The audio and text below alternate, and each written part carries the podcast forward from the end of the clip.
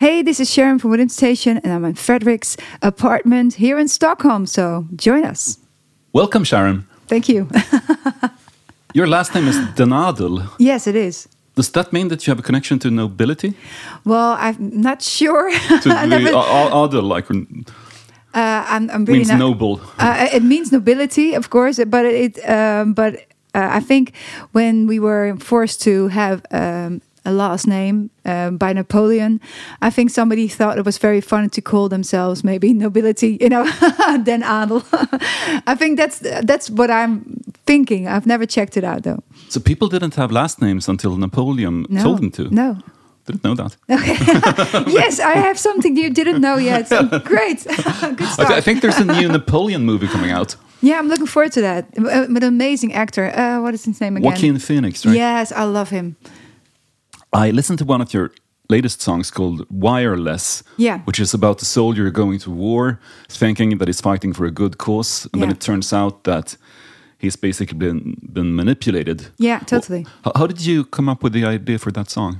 Well, of course, um, um, there's a lot of things happening in the world right now, and we were very much inspired by the war uh, in the Ukraine, by Russia, and I believe that. Um, there's two sides to a story. I, I, of course, I believe that there's a lot of people who know that they're actually doing a war that's um, that they're on the wrong side of history. But I think there's also a big group of people that really believe what their government is saying because they've been told so many years already what a certain truth is to the government that they actually believe that. And i believe that certain people actually think they're going to liberate the ukraine from fascism and because that's what they've been told. And that from that perspective the song wireless um, was made but also with the idea of the government using people just as marionettes in a way just to fight a war for an elite in a certain way as well.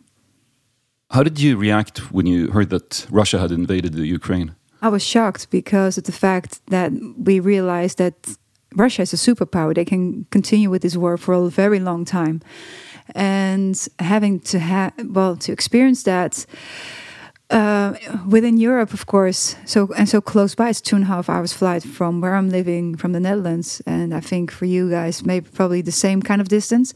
It's very close by, and it's. Um, and you know, you know, we're not we're not sure what he's going to do next. Also, so it's um, if they're going to win, uh, there, there's going to be another country that's being oppressed by a regime like Russia, and I don't think we need that. I think we need more balance in Europe, and I think it's important to write songs and talk about that.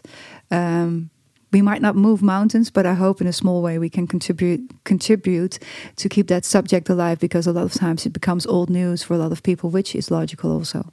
Yeah, which is basically happening now with everything in Israel. Yes, exactly. And, you know, people's attention. Just drifts off. Like, Yeah. oh, t- we know it's happening, and of course you have a life to lead. But on the other hand, it's it keeps important that we shouldn't forget that we should keep supporting the Ukraine and maybe you know other countries as well in. Um, in find not not finding a solution, but you know, if we stop supporting the Ukraine, if they don't get the things they need, for instance, for the Ukraine, then they're gonna definitely lose this war, and they're depending on us to fight for that freedom. Because also Russia is pretty good at long wars. Yeah, totally. And they're everywhere. They're they really gain by destabilizing Europe and other countries, like they did with Brexit, like they did with the, the elections in America. So Have you had any reactions from your Russian fans? Because you're pretty big there. You've toured both in the Ukraine and in yes, Russia. we did, and they're not happy about it, of course. But I also spoke to some people, actually privately, on my uh, because I have contact with some people that fled the country because they were not agreeing what the government is doing and so it's it's uh, it's you know you're not um, even even if they would agree with us that part of uh, the, uh, of our fans won't be able to say so because there's no freedom about speaking up of course you can only hear about the people that are believing the government of course My girlfriend worked in Moscow in the late 90s in, Yeah. in a bar and she uh, she kind of fell out with a few of her friends Mm-hmm. after the war started because they told her that she was brainwashed. yeah You know, how, how, can you not understand that Ukraine is a fascist country? and she was like, "But you know, how how, how can you believe this?" Yeah, yeah, it's amazing. It's really crazy.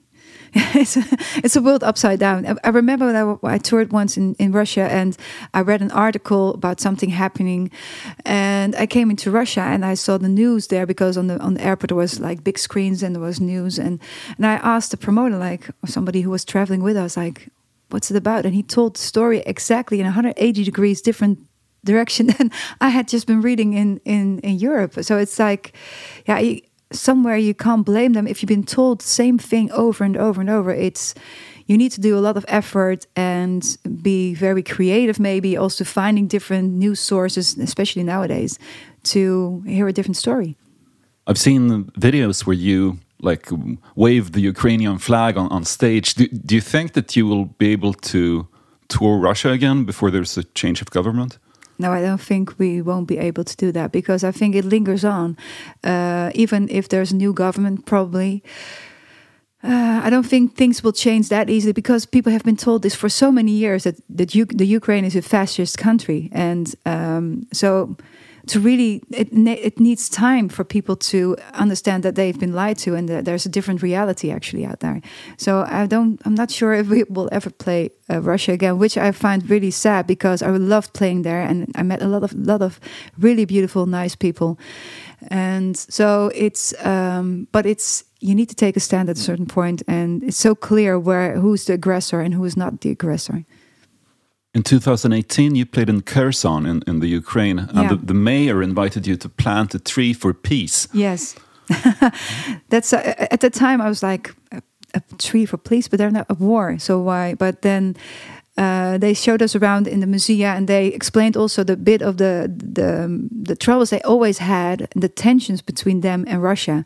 There's a whole history there that I didn't know about, you know, because I learned certain parts of history, of course, in school, but you don't get the whole picture of every country, of course. And um, so it made a little bit more sense at that time. But then, you know, um, looking back at those pictures because I found them recently on the internet again because we were searching for a TV program to show actually us being there, planting the tree, and there are there actually, and uh, seeing those facing faces again and remembering them again. It's like wondering what they are doing right now. Are they still alive? Are they fighting? Because mostly that those people were men and young people even at that time. What kind of a tree was it? I can't remember. I know it was a tree and it was very early in the morning, it was after a show, and it's like at nine o'clock you have to plant a tree. It's like what? Because Kherson was first occupied. That was the first city that yeah, it Russia was. Yeah, it was, and uh, also won back again by the Ukraine. And then the entire city was flooded yeah, because the Russians blew up a dam. Yeah, exactly. So what happened to your tree? I don't think it's there anymore. Probably, it's all gone. So, as far as I know. That's sad. Yeah, it's really sad. It was really a beautiful place. Speaking of um, trees and flowers, there's a track called Cyanide Love, which has a reference to um, this video that went viral last year, where a Ukrainian woman was giving sunflower seeds yeah. to soldiers, telling them to put them in the, their pockets so when they were killed, they would have beautiful, they would yeah. turn into beautiful sunflowers. yeah. It's like, you know, it's very the, beautiful and it's very threatening at the same time. It's schizophrenic. Ki yeah. Kind of um, like good heavy metal music. yeah, yeah, exactly. It was poetic also in a way, in a in a in a strange, yeah, strange way, poetic. And we use that actually those those that sentence. Uh, the sunflowers on your grave. There will be sunflowers on your grave. You know, like. Um, so um, so we use that sentence actually in in this song, and um, it's about the resistance in Kherson actually this song and how they took out Russians in the middle of the night. It's like civilians that took a stand and just uh, were uh, organized together, trying to take over their city again. And there was like such a bravery, to my opinion, that it inspired us to write that song. So it's like cyanide love is like it's cyanide is a nice way out of a situation you don't want to be in. Apparently, because the Russians were uh, they did finally get back their city, so.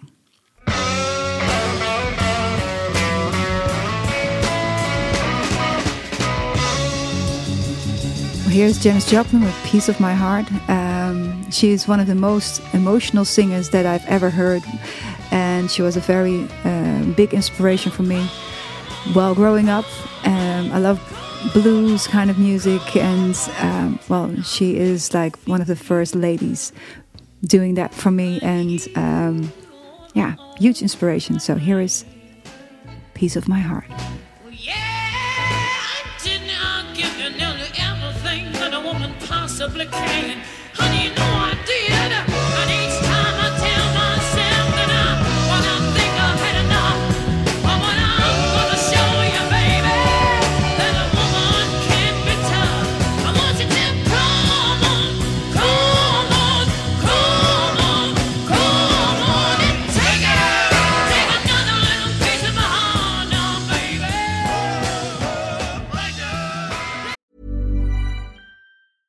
Many of us have those stubborn pounds that seem impossible to lose, no matter how good we eat or how hard we work out. My solution is PlushCare. PlushCare is a leading telehealth provider with doctors who are there for you day and night to partner with you in your weight loss journey. They can prescribe FDA-approved weight loss medications like Wegovy and Zepbound for those who qualify. Plus, they accept most insurance plans. To get started, visit plushcare.com slash weight loss. That's plushcare.com slash weight loss. Quality sleep is essential. That's why the Sleep Number Smart Bed is designed for your ever evolving sleep needs. Need a bed that's firmer or softer on either side? Helps you sleep at a comfortable temperature? Sleep Number Smart Beds let you individualize your comfort so you sleep better together. JD Power ranks Sleep Number number 1 in customer satisfaction with mattresses purchased in-store. And now, save 50% on the Sleep Number limited edition Smart Bed for a limited time. For JD Power 2023 award information, visit jdpower.com/awards. Only at a Sleep Number store or sleepnumber.com. Life is full of awesome what ifs, and some not so much, like unexpected medical costs. That's why United Healthcare provides Health Protector Guard fixed indemnity insurance plans to supplement your primary plan and help manage out of pocket costs. Learn more at uhone.com. The title track on your new album Bleed Out is about uh, Masha Amini, Yes. the Iranian woman who was uh, killed by the Persian morality police. Horrible Yeah. thing. Um, well, the reason why, well, you know, a lot of these songs that we wrote also bleed out. We never intentionally wanted to write specifically about certain subjects, but apparently because it's it made such a huge impression on us. These, again, uh, brave people that take a stand because they can't live anymore the way they have been living, and they feel caged, and then taking a stand uh, for not knowing what's to come, maybe thrown into jail, maybe murdered. Um, and um, to do that and knowingly knowing that it's not going to end well for you, still doing that, even like Navalny, you know, it's like it's it's like it's so brave and it inspires eventually apparently us to write songs about it. And Navalny in Russia. yeah, also, but also was did the- jailed, yeah. yeah. exactly. But this, uh, it's just you know, he, he went back to Russia knowing very Yeah, well know, that he saw would be in prison for the Yeah. rest of his, his life, Life, probably killed as well. Yeah, exactly. And So- still doing it and hoping that that somehow it would spark people to demonstrate, which they did, but it was they were still outnumbered. I remember when he was jailed back in 2017, maybe, and he he, he went on Twitter, or he made someone Twitter for him, and Yeah. he wrote that not o- not only is Putin destroying the country, now they're ruining my chance of seeing Depeche Mode live in Moscow. he is has he has humor, which is very nice to see. He's not just that serious. I read a description of your latest record when someone used the word djenty.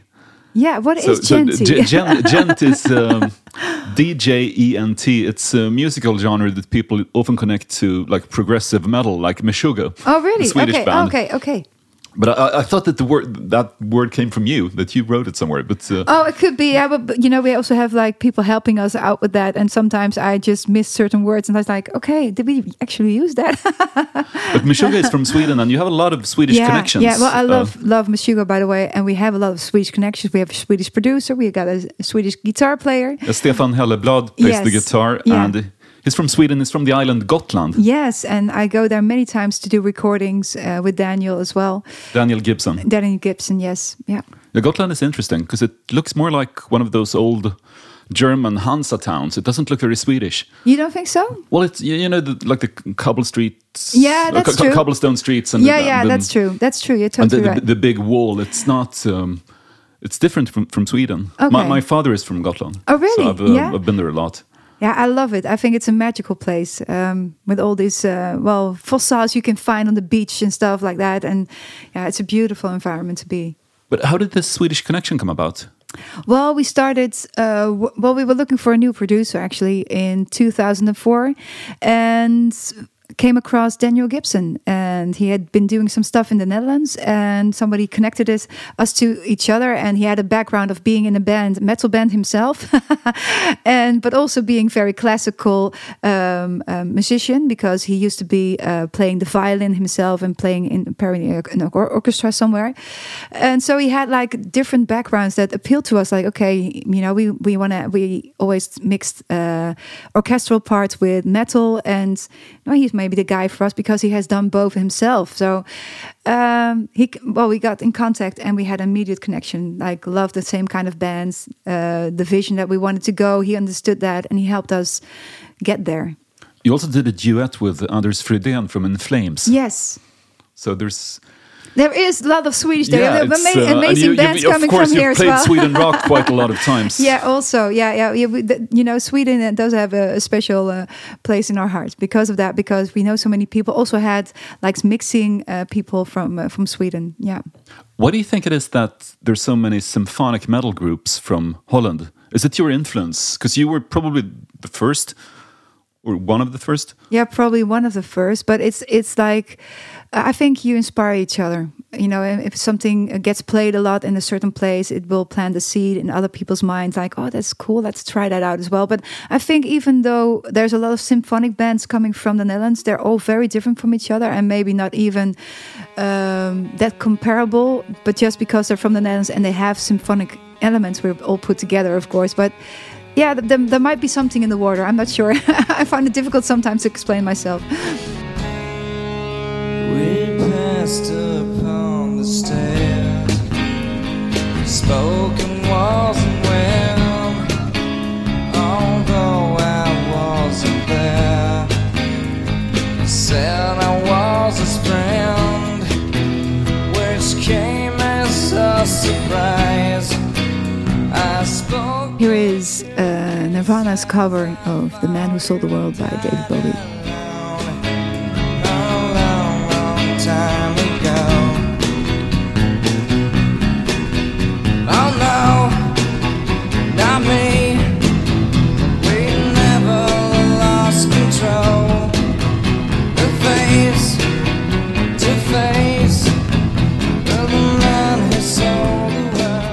It's a sad song, isn't it?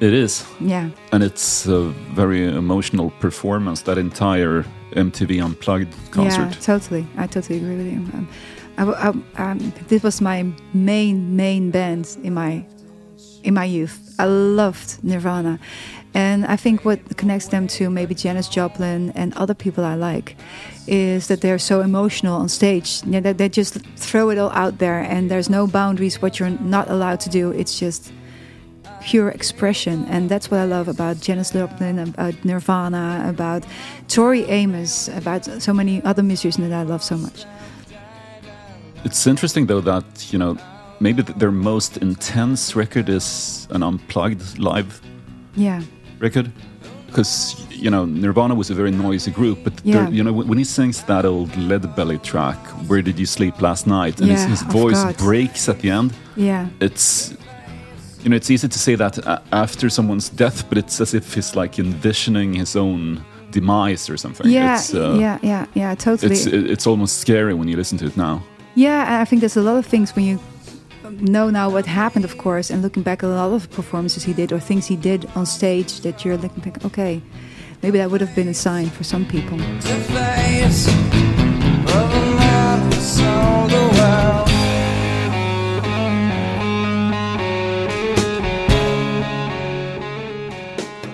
So how did you discover Nirvana? That's a good question. I don't know actually. Uh, I think I heard on the radio, and I knew they were going to play in the Milky Way, and I was not allowed to go because I was too young and was too far away. So how old were- were you city. I don't know. Uh, What was it? I think uh, 17, 16. I'm not sure actually. Something like that. Yeah. Because you were born in 75, right? 74. 74, okay. Yeah. So you were in your teens. Yeah, I Uh, was in my teens. Yeah. And you were a grunge girl? Or what, what I was a grunge girl, yes, I was very much. And then I met Robert, who was into metal more, and then I got introduced to the more kind of music that I'm in today. So, uh, which was a totally new world opening up for me, like with uh, Type O Negative, which I'm a huge fan of, uh, Paradise Lost, which was also one of our inspirations. But uh, yeah, so that opened doors to a different world that I love also very much. But um, to but if I go back to the first heavy band, it's not a metal band, but it is a grunge band. That is Nirvana. Which was the first concert that you went to? My first concert was um, Bruce Springsteen. I went with my dad because I'm well. That's also so one of those musicians that is I don't know. He came across so uh, he what you see is what you get, and that that's what I love. Sometimes he's not pretending. It's not like uh, wearing strange clothes to look extra to impress, or he's just what you see is what you get, and he's into the music, and he has to be dragged off stage because he can play on endlessly and uh, yeah that's what i i think uh, just enchanting and, and beautiful about this person So your dad is um, Bruce Springsteen fan. uh yeah he used to be yeah yeah yeah so he's not here anymore so, Oh. so so he passed away but he was the one that took me to my first concert and what i did when Wh- my, Where was that? Was it like the Ajax Arena in It was, Amsterdam? uh, well, no, no, it was like the Kuip in Rotterdam because Oh. I lived clo- close to Rotterdam actually. And the thing was that what I did with my my oldest son because I've got two sons and a daughter, but my oldest son, who was who's always been very much into music, um, I took him to um, uh, the Eagles because he got all the cassettes from my father and he was actually playing cassettes every night before going to sleep and me going back into that time that i was listening a lot to the eagles with my dad and my mom as well and uh, so his first concert was also at 10 years old i was also 10 when i first saw uh, uh, Bruce Springsteen, I took him to uh, the Eagles, and that was also like for him, like, oh my God, they're still here, and this is amazing. They're so crafted. so you were 10, so that must have been like 1984 when he was on the Born in the USA tour. Yeah, yeah, yeah. Born in the USA. Yeah, exactly. Wow. Yeah. Uh, no, not the Born in the USA though. It was called differently. It was uh, the Tunnel of Love. Oh, 1988 then, yeah, I think. that's oh, okay, yeah, yeah. yeah, yeah. That's Yeah. his moody divorce album. Uh, really? Is it about his divorce? It's about his divorce, Tunnel of Love. oh, really? There, Oh, wow. There's a great song called "Brilliant Disguise" where he sings about being, you know, suspicious of your his partner. Okay. That you know she's not what he's, she seems to be. That she maybe has someone on the side. oh, wow. So Okay. it's, it's about jealousy. It's about you know, it's dark themes. yeah, yeah. But actually, I was 14. Then I wasn't 10. I did that completely wrong. I thought it was nice to have that similar age to have to do it. But a Tunnel of Love always sounded like a bit dubious kind of titles, like Tunnel of Love. I don't know. I don't want to picture that. But I, I, th- I think his, his greatest track is on that record, um, "Tougher Than the Rest." Tougher than the rest. That's Oh, such a beautiful song. It is. Yeah, totally. We could have put that on as well. What did your parents work with when you were a kid? Because they traveled a lot. You Yeah. you lived abroad. Yeah. a lot. Um, my father was an expat, and we traveled. The whole family traveled with him to Yemen, Indonesia, Suriname, and in the meantime, um, well, he was in telecommunications, and um, yeah, a manager trying to you know, do projects outside and giving people the first connection for telephone. Actually, in certain areas, like in Indonesia, it was like uh, the first telephone connections actually came from that in the jungle. So, in certain parts of the jungle, of course. Uh, So, so how, how long did you live in Indonesia, for instance? Well, almost. I think almost five years, four and a half years. Wow. Yeah. And that's an old Dutch colony, right? Yeah, it is. Yeah, it is. And they even spoke Dutch at the time that I was there. Um, nowadays, they do that, of course, quite a bit less, and good for them in a way. You so know, what was like- it like to live there? It was amazing. It was. So you lived in Jakarta, or Yeah, Jakarta. Yes, exactly. And we went to Bali a lot of times. That's where I saw the b- ballet dancer, the Bali dancers. That's where I have my dancing of. I think I have these strange Yeah, you're, you're movements. waving sometimes. your Yeah, hands around yeah. here. yeah, but I've noticed that because you yeah. look just like one of those traditional Bal- Balinese dancers Yeah, on but stage uh, sometimes. Yeah, yeah, yeah, and that's because people say, "Why? Where do you have that from? Wh- wh- Who inspired to do that?" And I, the only thing I can imagine is that because I was always amazed, like how beautifully they danced, and I, I'm just, I'm just trying to do that myself, like, and I, I can understand because you just get into the music more when you move the same way and the same rhythm as the music goes. It's like, yeah, feeling it. Both your parents were born in Holland. Yeah, they're both Dutch. Yes, Yeah, exactly. Dutch. Yeah, yeah. Okay. So, what do you remember from living abroad for so long? Because you know, when you're a kid, those years really shape you. Yeah, totally. Uh, well, I saw, of course, I lived also in, in Yemen, which is uh, in the Middle East. And um, I went to an Arabic school because there was no school for me, no international school. And So you I- speak Arabic? no, I don't, because they took me out. Uh, because eventually, the only one who could actually could actually speak to me was the only one who could speak English. Was my teacher, and um, eventually, I ended up actually writing in, I think, in English or Arabic. I'm not sure from. Uh, Normally, you write from left to right, and I started from right to left. And then my parents said, "Well, maybe that's not a good idea that she's in this school because you have to unlearn that again when you go to a different school again after that in a different country." And um, but you know, it was difficult to make friends because we didn't speak the same language. And so mm, I got school uh, homeschooling at a certain point from my mom, which she didn't have any degree for, so that didn't work out very well either and uh, then coming back in the Netherlands and having a, like a like having to catch up a lot because I was behind uh, certain uh, things that had been, been should have been learning in the meantime. So it was uh, that process of integration back in the Netherlands was difficult for me, and um, Did you feel Dutch when you moved back, or did you feel that part of you was like Indonesian?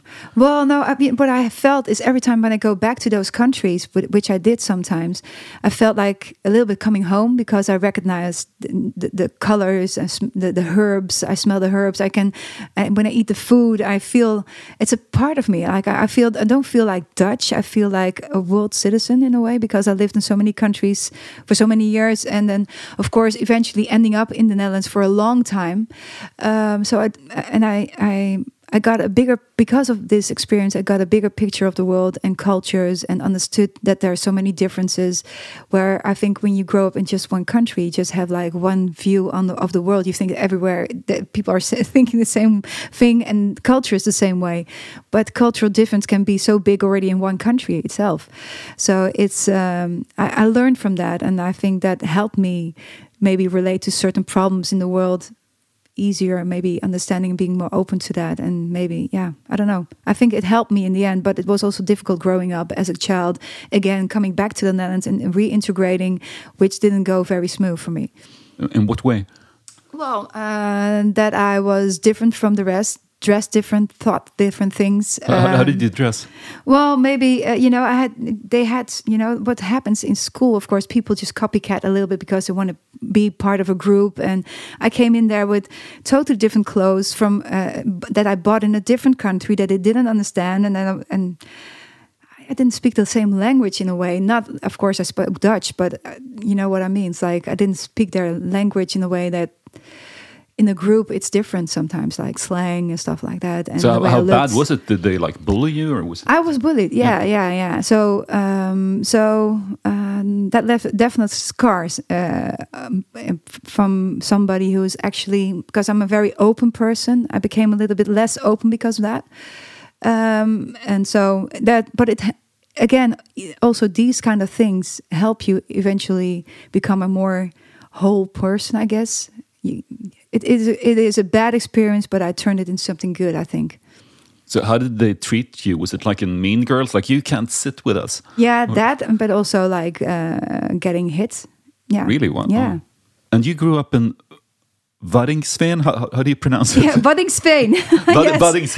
Yeah. Wha- What's that like as a city? It's in It's south. not. It's not a city. It's very. It's, It's it's a like region a. or- Yeah. It's it's okay. uh like um, f- um, forensic village actually because it's between big cities and everybody who doesn't want to live in the city lives there. It, it used to be like it's a countryside kind of thing. Actually, nice town, but um, well, yeah, I've mixed feelings about it because I have beautiful memories because I met a lot of beautiful people there as well. But also, while growing up, it wasn't easy. So yeah. And your partner or uh, husband, Robert Westerholt, is Yeah. from Waddinxveen as well. No, Well, he's not. He's, actually okay. from the north. He was born in the north, very up north, uh, the most north you can get in Groningen, near the German uh, border, actually. Then he moved to uh, the central, uh, in, in the more in the center part of, of the Netherlands, close to where I was living, and we met in school actually. So we're high school sweethearts. Really? How, how old were you when you met? Uh, 19, yeah, 19, and still okay. together, yes. So, and you were a grunge girl, and he was a heavy metal man. Yeah, he was a metal guy. Yeah, and but also he dressed more like a grunge guy, so like ripped jeans and long hair, and I loved it. I love immediately. You know, checkered uh, blouses and stuff like that. Were you in the same class too, or no? Uh, no, no, we were not. We were. You had different uh, directions within the school, and I was. Uh, he was doing like something economical, uh, economics, and I was doing fashion actually. So, um, yeah. But we did meet in the in the center of the school where we had lunch. Everybody was just mixed all together, and it was yeah, it was nice. And I was in the school band, and he joined the band because of me. really? yeah, yeah. I started a school band with a few people that I met, and then he came uh, like a year later to, to our school and um, half term actually, uh, and then he just he was wanted to get to know me actually, and so everywhere I was, I started groups everywhere, like a part, like a like a um, something to uh, do events with, like parties on school, like for like a like a disco or like a, uh, live music. Uh, I tried to make that on school and and arrange that on school, and every in every organization I was, he was in. It's like you again. it's like what are you doing here? School band. This. What's next?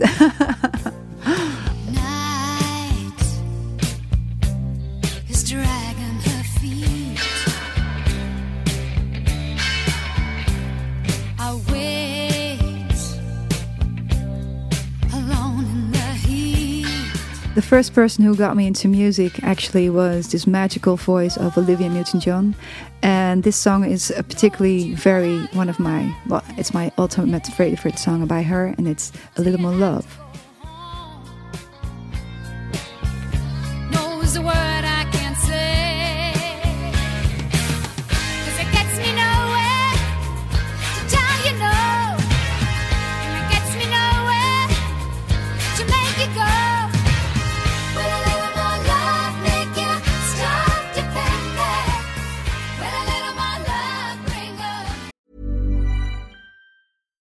This is Paige, the co-host of Giggly Squad, and I want to tell you about a company that I've been loving, Olive and June. Olive and June gives you everything that you need for a salon quality manicure in one box. And if you break it down, it really comes out to $2 a manicure, which is absolutely insane. It's also so easy to get salon worthy nails at home with Olive and June. The difference between how your nails used to look when you did them yourself and now with the Manny system is a complete game changer. The best thing about Olive and June too is it's a quick dry. Dries in about one minute, lasts for five days, and full coverage in up to one to two coats. Visit oliveandjune.com slash perfectmanny20 for 20% off your first system. That's oliveandjune.com slash perfectmanny20 for 20% off your first system. Many of us have those stubborn pounds that seem impossible to lose, no matter how good we eat or how hard we work out. My solution is PlushCare. PlushCare is a leading telehealth provider with doctors who are there for you day and night to partner with you in your weight loss journey. They can prescribe FDA-approved weight loss medications like Wegovy and Zepbound for those who qualify. Plus, they accept most insurance plans. To get started, visit plushcare.com slash weight loss. That's plushcare.com slash weight loss. Cool fact a crocodile can't stick out its tongue. Also, you can get health insurance for a month or just under a year in some states. United Healthcare short term insurance plans, underwritten by Golden Rule Insurance Company, offer flexible, budget friendly coverage for you. Learn more at uhone.com. I once spoke to an American friend who was very much into Olivia Newton-John. Oh, really? about the time when um, Grease came out. Oh wow! She said that after Grease came out, all the girls in her school wanted to look like Olivia Newton-John. and the, at the end of Grease, you know, when she returns and she looks badass, Yeah. and they all got the same haircut. So, so like the, the classrooms when the girls sat next to each other, it looked like fields of blonde broccoli. Well, I never, ch- and I never colored my hair, but I was like the same for years. Also, I love this. I love the movies for such a long time. I've been singing seriously until I was twelve. This the music of Grease every single day. I drove my parents nuts with that album. So, but yeah, but I was so much. I love that story so much, and and Danny, of course. You know, uh, John Travolta was one of my superheroes as well. it's, it's interesting to look at that movie now because they don't really look like teenagers. No, not at all. They. I- no, because they they were actually 26 when they played those roles. At least Olivia was 26, and she was supposed to be somebody who was like 17 or something. but they did they, they did the trick well when they had, she had the normal hair. She looked actually really young. Did you star in any musicals yourself? No, I I don't like musicals. You don't like musicals? No, no, not that much. I li- like Les- Les Miserables, and I like. Um, that's one of my favorite ones actually, but there's so many bad ones out there. I don't like them all. Most of them I don't like, but Les Miserables is one of my favorites. I think that's, uh, yeah, that that one is an exception. So, how did the band come about? You and Robert went out, and then you started within Temptation. Uh, yeah, well, he was in a band called The Circle and already making this kind of music early uh, 1990s, uh, so like 1991, something like that. And um, then they broke up. They kicked him out of the band, and I just had done some recordings for The Circle, and I was like, "Yeah, what am I'm gonna do?" And they asked me to stay. I said, "I can't stay. You just kick my boyfriend out." and we decided to start our own band, and that eventually became Within Temptation. And actually, a lot of those band members that were in The Circle, eventually we asked them back years later uh, to join us. And uh, But they kicked him out of the band knowing that he was your boyfriend. yeah, So, yeah. how, um, Well, I was new to the band because their singer didn't show up, and they asked me, "Well, you, you can pretty sing. You sing pretty well. So don't you want to do this for us?" and I ended up singing everything, and then they replaced almost everything eventually, except for two songs. do you remember your first live performance? You know, what was that like? The first time you went on stage and sang? Oh my god, that must be like on some kind of. Well, I had I was in a in a in a in a cover band for quite some time. I was like. 13 or 14 that I realized if I want to be a singer, I actually have to do something actively to get into a band. And there was this um, program in music school to say, and it was called How to Be in a Band, which was brilliant for that time because I had never seen anything like it, and they were ahead of their time. So what there was this teacher, and they he taught everyone uh, specific parts for, of a song, like the, the guitar parts, bass part, parts, and uh, let them all work together to actually play a song that we liked, like U2, uh, anything that was popular at that time. And we could pick our own song. So it was for us, of course, extra interesting to play that song that we love so much. And then uh, I came in there saying, ah, I would like to play the keyboards. I didn't want to play the keyboards. All I ever wanted to do was actually sing. So yeah, I ended up with all these notes on, on my keyboard, like, okay, hands here and one, two, three. And then putting my fingers always too late and always like mixing up things. Like, Sharon, do you really want to this? And in the meantime, they also asked like, does anybody want to sing? And then nobody wanted to. So okay, I'll try that then. You know, like like I was not interested, but I was so happy I finally was able to sing. It's like, you know what, Sharon, you forget the keyboard. You can only sing. You're not not allowed to do anything else but sing. But you're not classically trained as a I'm vocalist. not trained at all. No. no, I did try a few times because I was afraid that I maybe uh, would ruin my vocal cords, and and I ended up at, a place, and they said like, but you know. There's so many ways to roam. Why are you here? You're actually doing great. You- You're not having any pain to your vocal cords, and you have a big range. So you can also, if something is, you can play with that. You know. So um, I felt like, okay, I'm actually doing okay. I'm not going to do this anymore. But what was a life savior for me was actually those uh, things like how to warm up your vocals, uh, vocal cords. And I use, used YouTube especially to look that up. And that's a good tip for everyone who is actually starting maybe now is like, please do that because you do need to warm up your vocal cords. And I never used to in the beginning, but I did that after 10 years that I was already doing music actually and that can really hurt your voice eventually That's if you don't do interesting because you know when you do your style of music, you, your voice is kind of operatic. You, you kind of assume that you've sang a lot in opera houses around the world. I pretend a lot. do, do you growl as well? no, I don't. No. No. Have you tried it? Uh, I did try it, but I was like, yeah, do I really need to do everything? And I think um, I just want to embrace that I, I am bringing something different to the table than the growling voice. I think it's cool that anyone who does it actually, but and it's cool that they can do it. They, they can sound like almost a guy, and you know, in a way. And but I think I like to. I think that I think I can make a difference because I am a woman and I like to embrace the fact that I can be that different color in metal and still be feminine in there. And I think that's something that we that I would like to address also in a way that I think we are allowed to do that and that's the different color and some new aspect that we can bring as women.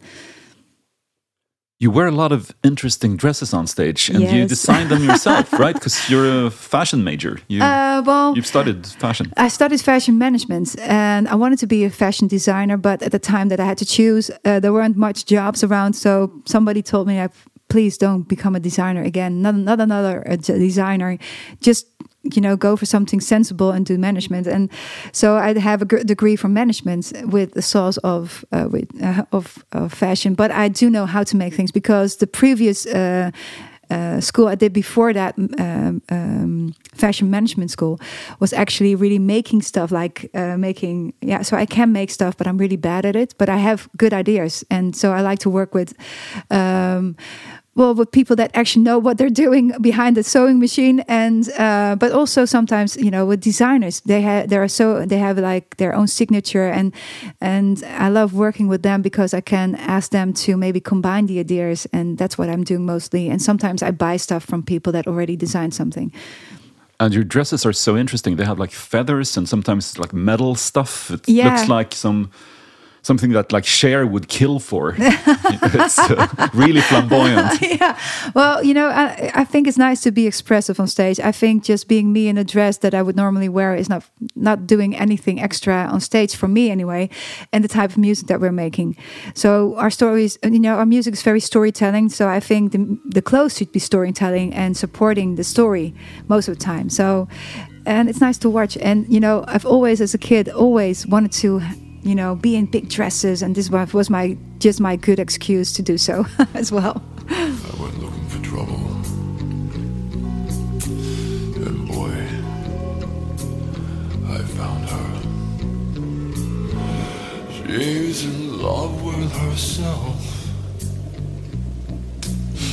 She likes the dark.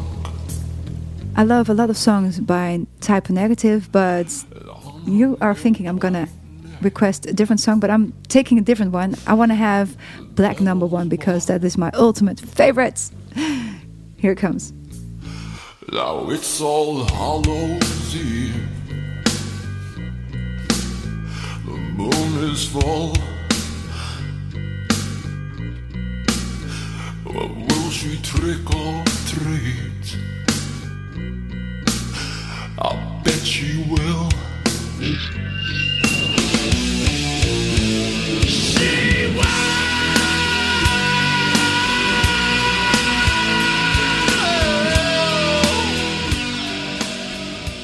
Uh, well, once we did a cover of Black Sabbath, and it's called Black Sabbath the song, and I just um, I really love to play the song live, but unfortunately there's not much occasions to play so to play it. But uh, yeah, maybe we can play it here.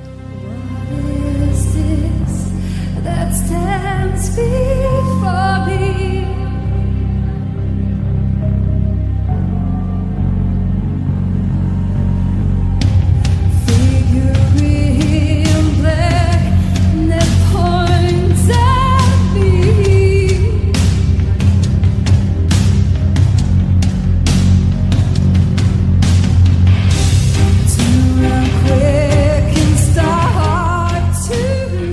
Once played with them on Ozzfest in the Netherlands, actually. Really? Yeah, yeah. Did you get to meet Ozzy? And Uh, not in person, unfortunately, but um, because there was a backstage within the backstage, and there was there, there was always Ozzy. is, right? It's, it's like a video game. You have to reach the next level, and yeah. you never, you know, well, there's always a final boss, a huge security guard Yeah, that prevents that- you from seeing Ozzy. well, once upon a time, uh, with another band that I love very much, Type Negative, I was at uh, Dynamo, Dynamo Open Air, which was a huge festival back in the days in the Netherlands. And we were at the backstage, our first festival, playing on Dynamo. And I was walking around, and there wasn't a backstage in the backstage, but there was a small, well, gap in between the wall uh, that they'd made. And I was just passing by, and I was in a flash, I saw. Mr. Peter Steele sitting there. It's like, oh my God, it's Peter. and I just put my head through that fence and it's like, hey, Peter. he said, hey, why don't you join me? And I just, well, I went through the wall and he just made an opening for me. It's like, so I sat there and talked about hamburgers, that how they screwed it up in the Netherlands using mayonnaise, which he doesn't didn't like, and talking about the Beatles. And there was this girl next to him, very annoyed, looking at her nails, and um, that walked away like really offended because he was talking to me in the meantime and ignored her a bit. So probably that was his girlfriend i guess at the time. And and we had just a lovely time there. And and that's the only time i spoke to him and i will always cherish it because well i loved his music so much. And he was so such a nice nice giant. I remember when he was in Playgirl magazine, yeah N- nude. i heard about it but i've never saw the actual picture Well, he was quite well endowed, as you say. but he, uh, I- read an interview with one other member in Type O Negative who said that Peter only did that Yeah. because he knew that you know he would get a lot of chicks if he just um, went nude in Playgirl magazine. And he was so happy about that until the other members told him that, hey man, you know, it's not really girls who read Playgirl magazine. And he was like, I do- I do he was like, think- what, what do you mean? of course, I'm gonna get so many chicks. Well, dude, you know, it's it's not really a magazine for girls. it's like for boys then he was totally depressed. well i think it got so much attention uh, media wise that Well, the you know- band got a lot of attention from it too. Also, yeah, Yeah. They, they gained a lot from it in a way.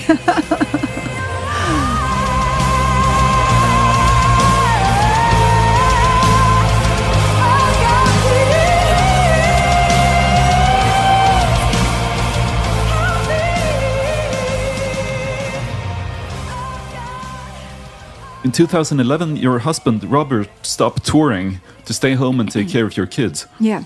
Um, but has he been bla- back playing live from time to time, or did Yeah, he stop as- completely? Yeah, no, no, no. He d- does like a, a surprise uh, appearance here and there sometimes, just for fun, and he doesn't really miss uh, the the live performance. But it's nice for the for the fans that he comes on stage occasionally. Then they're like, "Yeah, He's not someone who, who desperately wants to be on stage. No, I not mean, at all. No, he. Uh, although when he does take that microphone to talk to the audience, he used to make like jokes all the time that half the audience only un- understood and half didn't. But like, like looked like to him like, what the f is he talking about?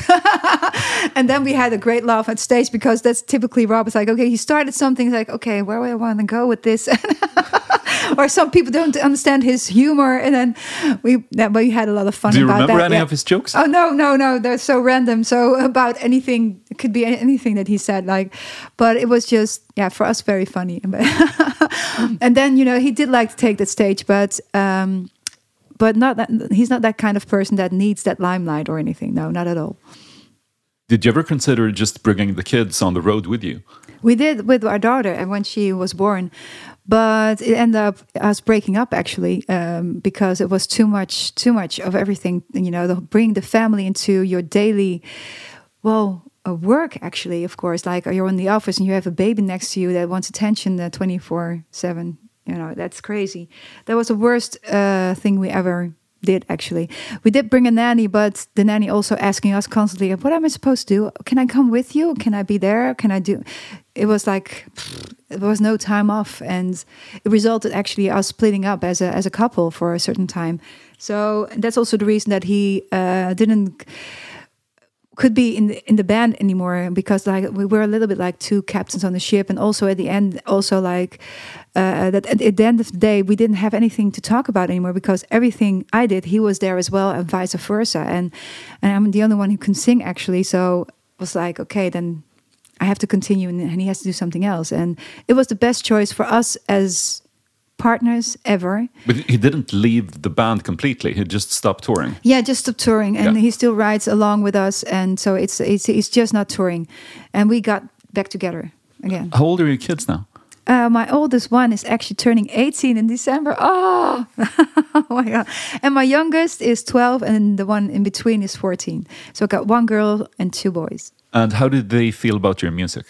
Well, I was talking to my oldest son, and I said, like, because I feel always guilty when I leave. It's like I can't be on the holiday now, right as we speak, because they have holiday in the Netherlands right now, and they have like um, the fall break for a week. So they're off to Spain, and I'm here doing promotion all over Europe, and I feel guilty. And it's like I'm so sorry that I'm not joining you again for this. And then they said, mom we're so proud of you and because i said oh, well should i stop doing this then? Maybe maybe i should just you know do something else and be home more often and i can be with you guys. No mom we really love what you do. We're very proud. And i was like okay aw. then i'm like, yeah that's that's sweet. You have a song called "Don't Pray for Me." yeah. which it, it made me think of school shootings because every time there's a school shooting uh, like in the us politicians say that their thoughts and prayers are with the victims Yeah. but no one talks about gun control yeah it's like like yeah saying a but not b yeah how did you come up with that track was Well- it like some anti-religious sentiment or was it something? Uh, y- yeah, in a way it is. Um, well, it was different things happening. Um, I was doing an essay for Kerrang! um, uh, magazine in England, and they asked me to do write some an essay for International Women's Day. So I thought, okay, what, what can I write about? So well, you can take any topic, and I looked up what other people had been writing about, and I saw there was nobody talking about something that's really that we yeah which is especially for girls is uh, and women um, sometimes unfortunately is abortion and uh, i was just curious about what the rules are in every country what the law is in every country in europe even because we're in united europe yay and then i started to dig up um, like articles, new articles. I was doing this for weeks because I wanted to make really like a good article and a good essay or make a good you know conclusion out of that. And I discovered that there's so many things. At that time, this was already like 2020 that I wrote this article, and um, that we're so divided within Europe about that, and especially in Poland. Uh, that was having PIS, which in the elections now also became the biggest party, unfortunately, again. At that time, so in 2020, when PIS was um, in charge, uh, they tried to, and they did, um, and they changed the, the abortion law. And they made it almost impossible to get an abortion in Poland, which is not very European standard, you know, not the values that we have. We have what I find most importantly, I, am not pro abortion, I'm not against it, but I, I, believe in the individual choice. And that's very important to me. And and so um, I saw that not just Poland was this way, but also many other countries like Italy. They, they're you know they're working against people that actually want to have an abortion. Ireland. Yeah, Ireland. Oh my God, Ireland! Don't forget Ireland. Yes, and uh, but anyway. Um, and then ha what happened, of course, now again in America, that they changed the laws in certain counties that you're not allowed to have an abortion as well. Um, it made me, and I saw the, the, the movie Handmaid's Tale, all these elements that I saw and read about, it ended up in this song, but also about that um, um, it's, it's people who are religious always tend to tell other people how to live their life. And I, I can't stand that because nobody's telling them how to live their life. I'm not telling them to have an abortion. You know, I'm, I'm not saying you have to have an abortion. Uh, it's like, but they are telling me not to have one. Uh, you know, not I'm not, not ha never had one, never I'm tending to one, but more like trying to sketch a, a, situation. They're always trying to tell other people how to live their lives, and they're they're they're superior to others. And so I think I believe, like I said before, I believe in individual um, choice, and I think only I can decide, and you can decide yourself what you can live with eventually. You know. I saw this video with uh, one of my favorite comedians, Sarah Silverman. She said that she was thinking about having an abortion, but her she her boyfriend couldn't seem to get her pregnant. That's horrible. I'm sorry. that was a good one, actually. Didn't see that coming. Uh, well, did I make my point actually? Because I was it, Yeah, because yes, it's such a big you're fighting for a woman's right to choose. yeah yeah exactly, and wanted to point that out. Because I, I don't think anyone is like pro-abortion just Yeah, for the sake of it. No, no, no, no, it's not a fun thing. I'm thing so something. into abortions. That's Yeah, the yeah. best thing. no, no, but more like because because because I have been sp- speaking about abortion and in this way and trying to explain how, what my stand is, and and the people are you you you uh, you are promoting um, people to kill babies. No, I'm not pro-abortion. Come You on, know, they- you're turning things around. Don't turn my truth around. And I I think know that's awful. Yeah. yeah so but anyway uh tori amos yes my my hero uh well while growing up i've listened so much to her while growing up and still do uh winter is my most favorite song i don't know it may be uh, because i recognize myself in the lyrics and um yeah i just it just has a special place in my heart What do you recognize about yourself in the lyrics? uh, I guess the relationship with your father, like okay, you have to do this on your own. I can't always be around. That's that. These words just trigger something. Snow can wait, I forgot my mittens. Wipe my nose, get my new boots on. And get a little warm in my heart when I think of winter. I put my hand in my father's glove. You have a lot of pyro on stage, a lot of fires and explosions. Yeah, a lot of things blowing up. Have you ever had any accidents? a lot of almost accidents. Yes, yes, and actually, uh, this time, actually, not one of the band members. I think it was actually one of the band members. No, it was a, a crew member that got hurt by pyro actually on stage. That was too close to one of the pyro pots, and he was into the f- flames, and so. Yeah, he got uh, not severe uh, injuries, but uh, slight ones. And I also was rescued by Robert a few times on stage that I didn't I forgot that the, the pyro was there and you know everybody needs to really pay attention because we have lights on stage that's saying there's pyro on and it's coming now when the red lights are on don't go near the stage or the end of the stage and or in front of the, the, the audience. But I sometimes just get into the music and I forget everything and then I need to be rescued by one guitar player called Robert again in the past and nowadays by others sometimes. Otherwise I'll be fully in the flames I would imagine that your dresses are quite like flammable. Yeah, they are. Yes, yes. Although a lot of everything on stage, all the other stuff actually is being checked by the fire department if it's not flammable. But actually, the dresses never have. Actually, thinking of it, yeah, good point. What about your many wardrobe changes? Do you get you know stuck in things when you switch Oh, dresses, well, or do you have people to help you out? There's people helping me out, but if they pay attention, sorry, Borka.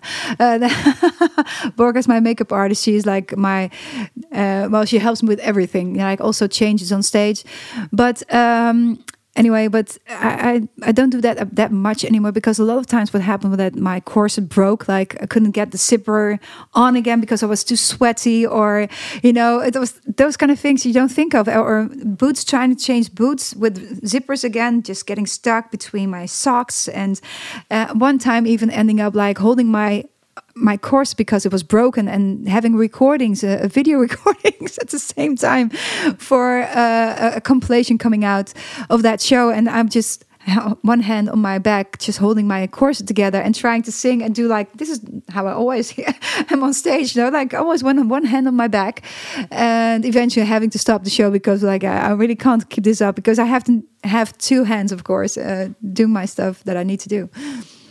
The video for your song "Wireless" was made using AI, Yeah. and it looks really, really good. The, the only thing you can tell that it's AI because people's fingers are a bit weird. Yeah, yeah, but you had well, we had, there's also like we had to cut out a lot of things with this video because we had like soldiers in there with wearing helmets and they turned into mushrooms, and um, That's yeah, cute, though. yeah, it's cute. I think actually it was pretty funny, but yeah, the the, the, the subject was not that funny, so we felt like we didn't needed to cut it out, but it was actually quite funny. But also, yeah, like you said, uh, fingers changing and. Yeah, a lot of things happening there. And we had Darth Vader in there all of a sudden, like just among It those just people. Yeah, it just shows up and it disappears again and it fades into something new. And that's with AI. You can't control it completely.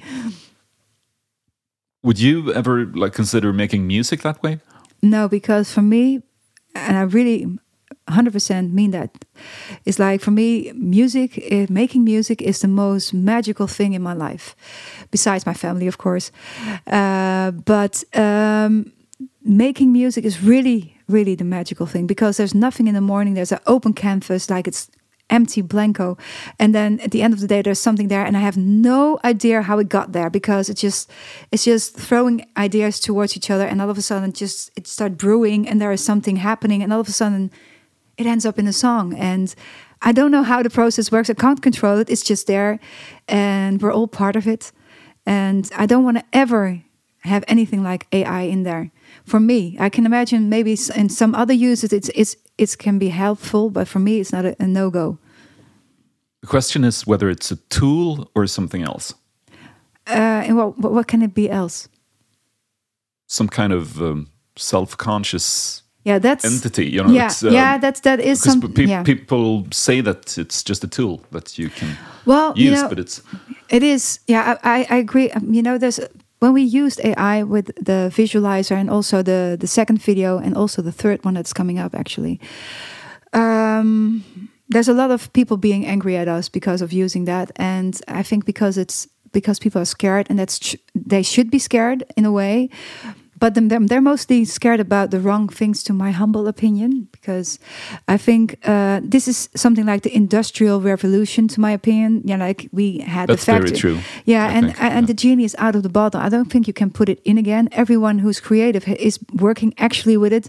Not out, you know, they're not talking about it, but they are using it. Like directors, art directors, uh, people that make videos for us. Everybody is trying out stuff, and for them it's a tool. But I do understand, like on in different levels, like in warfare, it's very dangerous. Uh, I I can imagine, and I. But I think also there's a beauty to AI, like for instance in the medical sector, where they can help uh, find cancer way more easy. And you know, there's there's good sides and bad sides, and we need. And unfortunately, with technology, it's always the case that technology is ahead of the law.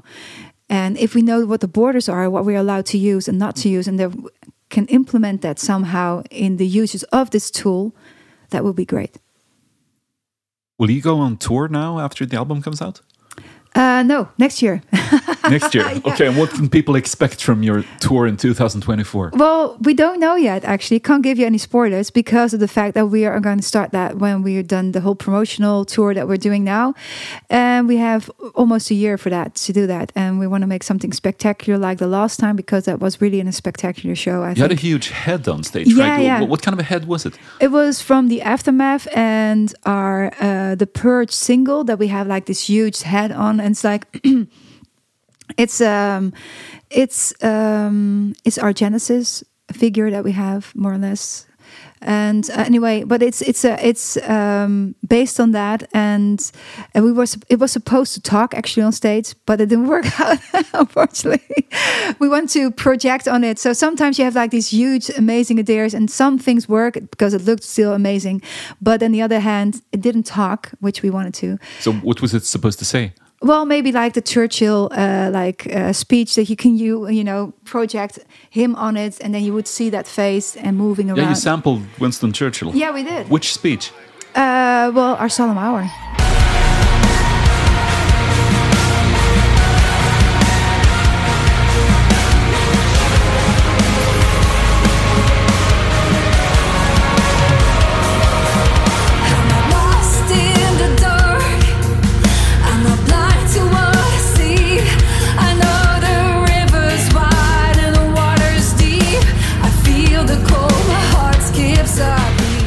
Frederick, I really love being here. Thank you so much for your time, but I really have to go to my next appointment. So, Thank you for coming here, Sharon, and good luck with everything. okay, thank you so much. Thank you for listening, everyone, and lots of love from me to all of you out there.